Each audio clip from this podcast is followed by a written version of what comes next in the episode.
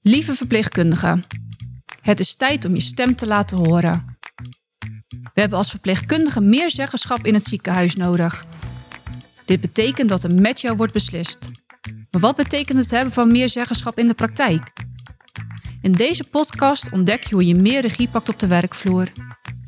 We delen praktische tips, persoonlijke ervaringen en inzichten van experts. Zo kan jij als verpleegkundige jouw werk met trots uitdragen en je werk met nog meer plezier blijven doen. Nu en in de toekomst. Hoe het beter kan? Vraag het de verpleegkundige. Fijn dat je weer luistert naar de podcast Vraag het de verpleegkundige. Ik ben Sanne Boshuizen, voorzitter van het verpleegkundig stafbestuur in oprichting.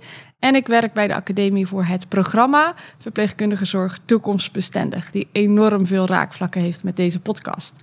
En vooral met het thema van vandaag. Want Marjolein, het is vandaag een bijzondere aflevering. We gaan het hebben over hoe je de verpleegkundige zelf kan zorgen voor verandering in je werk. Ja, we kennen denk ik allemaal wel dat je dingen ziet gebeuren en je denkt, ja, hier moeten we echt wat mee. Maar in de praktijk kan het best wel lastig zijn om je als verpleegkundige hierover aan, uit te spreken. Of het nou komt omdat je het niet gewend bent, of dat je tegen een dichte deur aanloopt en je vervolgens niet weet hoe je weer verder moet. Vandaag gaan we het samen bespreken hoe je dit wel kunt doen als je deze behoefte voelt. Ja, we gaan erover in gesprek met Charmaine Springer. Charmaine is Chief Quality Nurse en we gaan haar de oren van haar hoofd vragen over hoe we als verpleegkundige beter onze stem kunnen laten horen en hoe je kan gaan pleiten voor verandering in je werk. Charmaine, welkom en misschien kun je ons eerst even vertellen wat jij precies doet als Chief Quality Nurse. Dankjewel uh, voor deze uitnodiging. Ik ben uh, de Chief Quality Nurse hier in het ziekenhuis. Ik ben een soort schakel tussen de verpleegkundigen die direct met patiënten werken en de collega's die uh, beslissingen nemen over hoe alles moet lopen.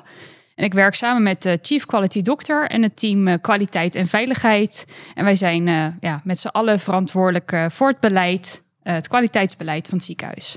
En wie bedoel je precies met de collega's die over, de, over het beleid gaan?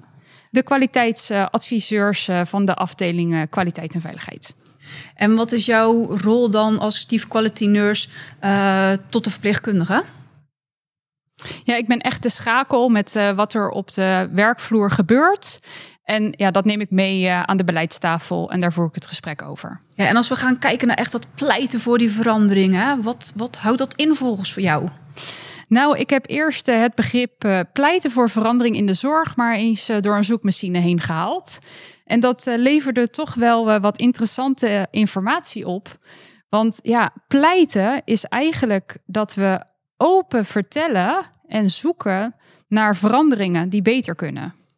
Hey, in hoeverre hou je jezelf bezig met het pleiten voor veranderingen voor verpleegkundigen binnen het ziekenhuis? Ik ben eigenlijk uh, altijd op zoek uh, naar dingen die, die beter kunnen of die eigenlijk al goed gaan. Um, ik vertel wat ik zie. Dat neem ik mee naar onder andere de verpleegkundige achterban, maar ook die gesprekstafel. Um, ik probeer ook met voorbeelden te komen waarom bepaalde veranderingen in de zorg ook echt, echt nodig zijn binnen ons ziekenhuis. Is het ook echt een ehm, cultuuromslag wat moet gaan komen? Dat wij onszelf meer gaan profileren als verpleegkundige en dat wij onze stem ook meer laten horen? Ja, we zijn het niet gewend. Um, ik denk ook dat er wat meer, uh, of eigenlijk wat minder ruimte voor is geweest de afgelopen jaren. Belemmeringen zoals werkdruk, personeelstekort zijn misschien ook soms wel wat makkelijke excuses om het, uh, om het niet te doen. Dus ja, ik denk zeker dat het uh, tijd nodig heeft om uiteindelijk iedereen bewust te maken van zijn of haar rol hierin. Ik denk ook dat er wel wat cultuurverandering in de managementlaag uh, moet gaan plaatsvinden. Want ook zij zullen een stapje terug moeten gaan doen en ruimte creëren uh, voor die verpleegkundigen om wel nou ja, het gesprek te voeren uh, aan tafel te zitten. En ik denk dat dat tijd kost. Dus het gaat twee kanten op. Wij als verpleegkundigen moeten onze stem meer laten horen. Maar we moeten ook gefaciliteerd worden om onze stem meer te kunnen laten horen. Dus. Ja, zeker. Ik denk dat dat echt heel erg belangrijk is. Dat we niet alleen de ruimte creëren. Het is nu ook wel echt het moment van die, voor die verpleegkundigen om het ook echt daadwerkelijk te gaan doen. Ja, wij moeten de eerste stap gaan zetten. Ja, zeker. Hey, je begon met, we zijn het niet gewend. Wat bedoel je daarmee? Ja, ik denk dat we het niet gewend zijn om op te komen voor uh, aspecten die ons vak raken, of hè, die jezelf als werknemer uh, raken. Denk aan het rooster. Dus we zijn niet, het niet gewend om, om daar om voor onszelf op te komen. En dat open vertellen, hoe gaat dat nu voor jouw gevoel? Ik denk dat we de eerste stappen hebben gemaakt. Uh, dat we zeker de enkele koplopers uh, als verpleegkundigen in ons ziekenhuis hebben. Die echt wel met goede initiatieven komen, maar dat het nog niet vanzelfsprekend is. En wat hebben we dan nodig om ervoor te zorgen dat we meer koplopers gaan krijgen? Ik denk dat verpleegkundigen bewust moeten zijn of worden van hun rol. Een stukje leiderschap mogen tonen. Want ik denk dat ze in de zorg van alle dag met genoeg voorbeelden te maken krijgen om met veranderingen aan de slag te gaan. Maar we zijn het nog niet gewend. Wat houdt ons dan tegen om het niet kenbaar te maken? Ik denk dat de drukte van vandaag in de zorg, een uh, stukje personeelstekort, uh, steeds complexere zorg, het wel soms lastig maakt voor die verpleegkundigen om met die ja, veranderingen naar voren te komen. Um, ja, wat ik hoor je ook zeggen, het is niet vanzelfsprekend, we zijn het niet zo gewend. Um, ja, waar ligt dat nu precies aan? Ik moet ook zeggen, als ik een beetje terugkijk naar de historie van het verpleegkundig beroep, hebben we vroeger hadden we nog verpleegkundig directeur. En die zijn er helemaal niet meer. Op een gegeven moment zijn, is de industrialisatie gekomen, zijn de ziekenhuizen veel groter geworden.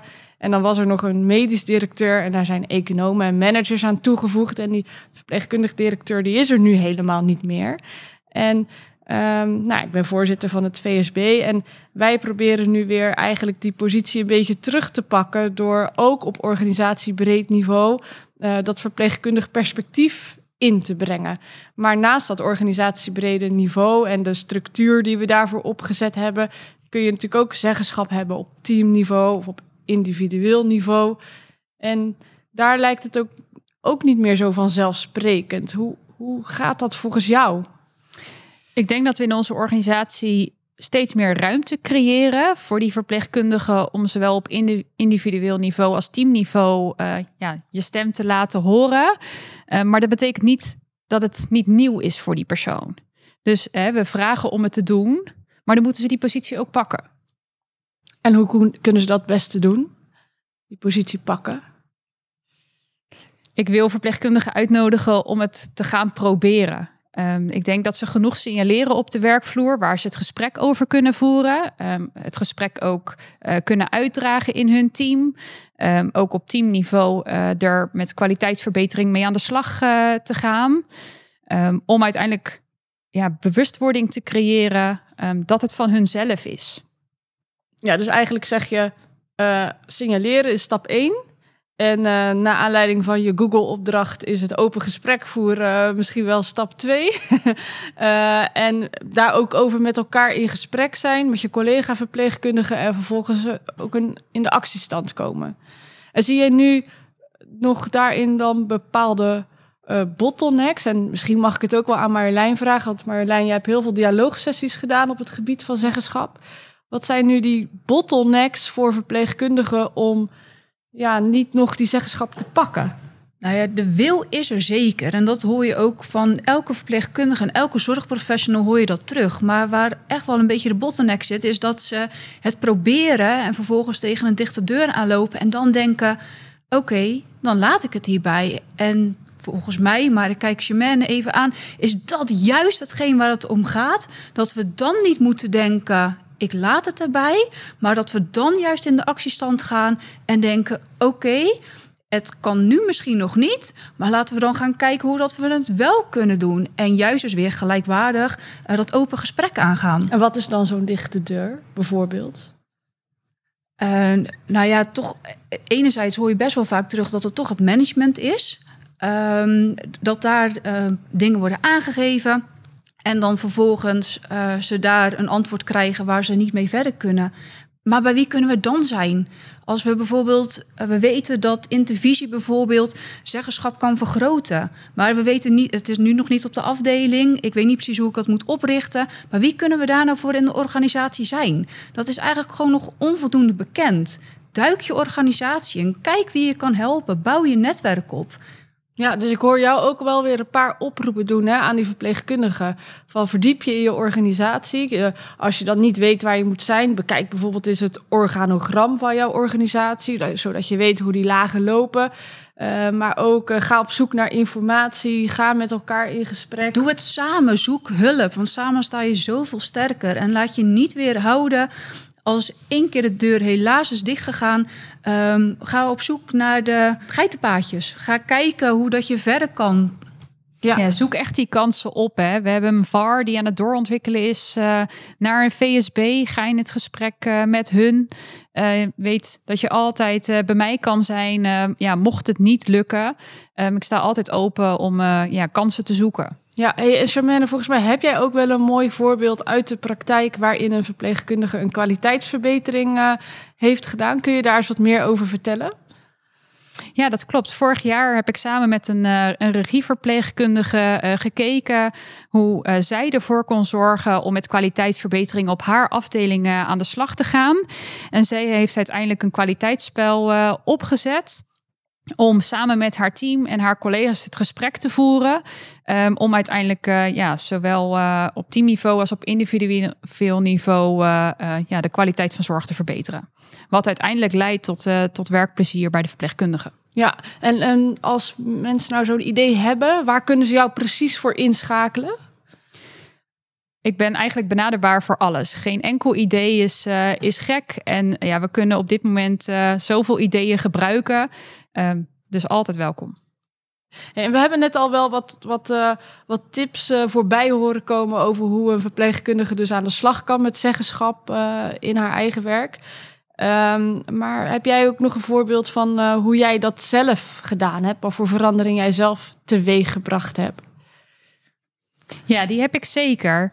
Uh, ik heb het afgelopen jaar heb ik uh, samen met mijn team uh, gekeken ehm, ja, hoe we de kwaliteitsthema maanden voor verpleegkundigen weer beter onder de aandacht kunnen breng konden brengen. En we hebben eigenlijk opgemerkt dat veel communicatie bij de teamleiders bleef liggen, waardoor het voor die regieverpleegkundigen echt een uitdaging was om goed met de toolkit die we hebben opgericht ja, in de praktijk aan de slag te gaan. Dus we hebben uh, eigenlijk die toolkit uh, geëvalueerd. Uh, we hebben nu ook het proces veranderd. Dus we gaan nu direct met de regieverpleegkundige communiceren en schakelen om echt ja, veel meer de invloed uit te oefenen op die werkvloer zelf. Ja, en dit is eigenlijk weer een prachtig voorbeeld hoe je dus eigenlijk tegen een soort van dichte deur aanloopt, omdat je niet verder komt in je communicatie, je leert ervan en je gaat weer door. Ja, wat ik, want wat ik hierin ook een beetje hoor, is misschien wel een stukje hiërarchie. Hè? Van, nou, dat bleef een beetje bij die managers liggen, heb ik jou net ook al horen zeggen. Hoe kan je daar nou het beste mee omgaan in zo'n ziekenhuis? Ja, doe het niet alleen. Zoek echt de juiste ondersteuning. Praat met elkaar erover. Uh, zoek die samenwerking op. Want er zijn gewoon heel veel kanalen in het ziekenhuis buiten je eigen teamleider of manager om, om toch uh, ja, voor die verandering te pleiten. Ja, en misschien ook goed om te weten dat we dus ook zulke soort bijeenkomsten faciliteren. We hebben het programma Verpleegkundige Toekomstbestendige Zorg, waarin we voor regieverpleegkundigen bijeenkomsten organiseren, maar ook inspiratiesessies, thema-bijeenkomsten. Daarin kunnen verpleegkundigen elkaar opzoeken en uh, ook met de programmamanager daarvan praten en, uh, en die signalen ook wel doorgeven. En ook de goede voorbeelden met elkaar delen. Ik denk ook wel dat het heel erg belangrijk is dat we die signalen kenbaar blijven maken. En wat nu ook wel vaak gebeurt, is dat we die signalen aan je directe collega kenbaar maken. En dat het blijft hangen op de werkvloer. Maar dat we die signalen niet naar de juiste personen doorgeven. Dus loop wel naar je teamleider toe en um, blijf het daar ook aangeven. En laat het niet alleen maar een beetje rommelen op de afdeling. Spreek je uit. Die signalen moeten kenbaar uh, gemaakt worden binnen de organisatie. Maar daar, daarvoor moet je je wel uitspreken.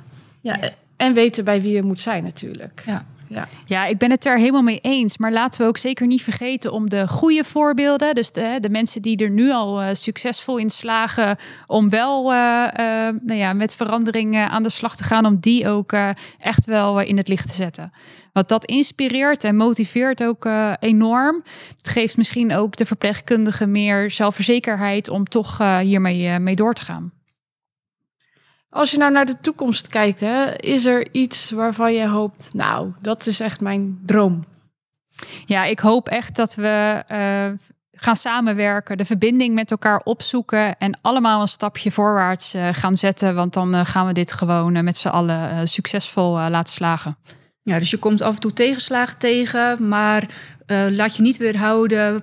ga opnieuw kijken hoe dat je het kan aanpakken en vier elk klein succes. Dat helemaal. Ja, Charmaine, ik weet niet of dat jij zelf zegt van... nou, ik heb echt nog eh, iets niet genoemd... wat ik heel graag nog met uh, de verpleegkundige zou willen delen. Kom met elkaar in contact. We zijn er om jullie te helpen.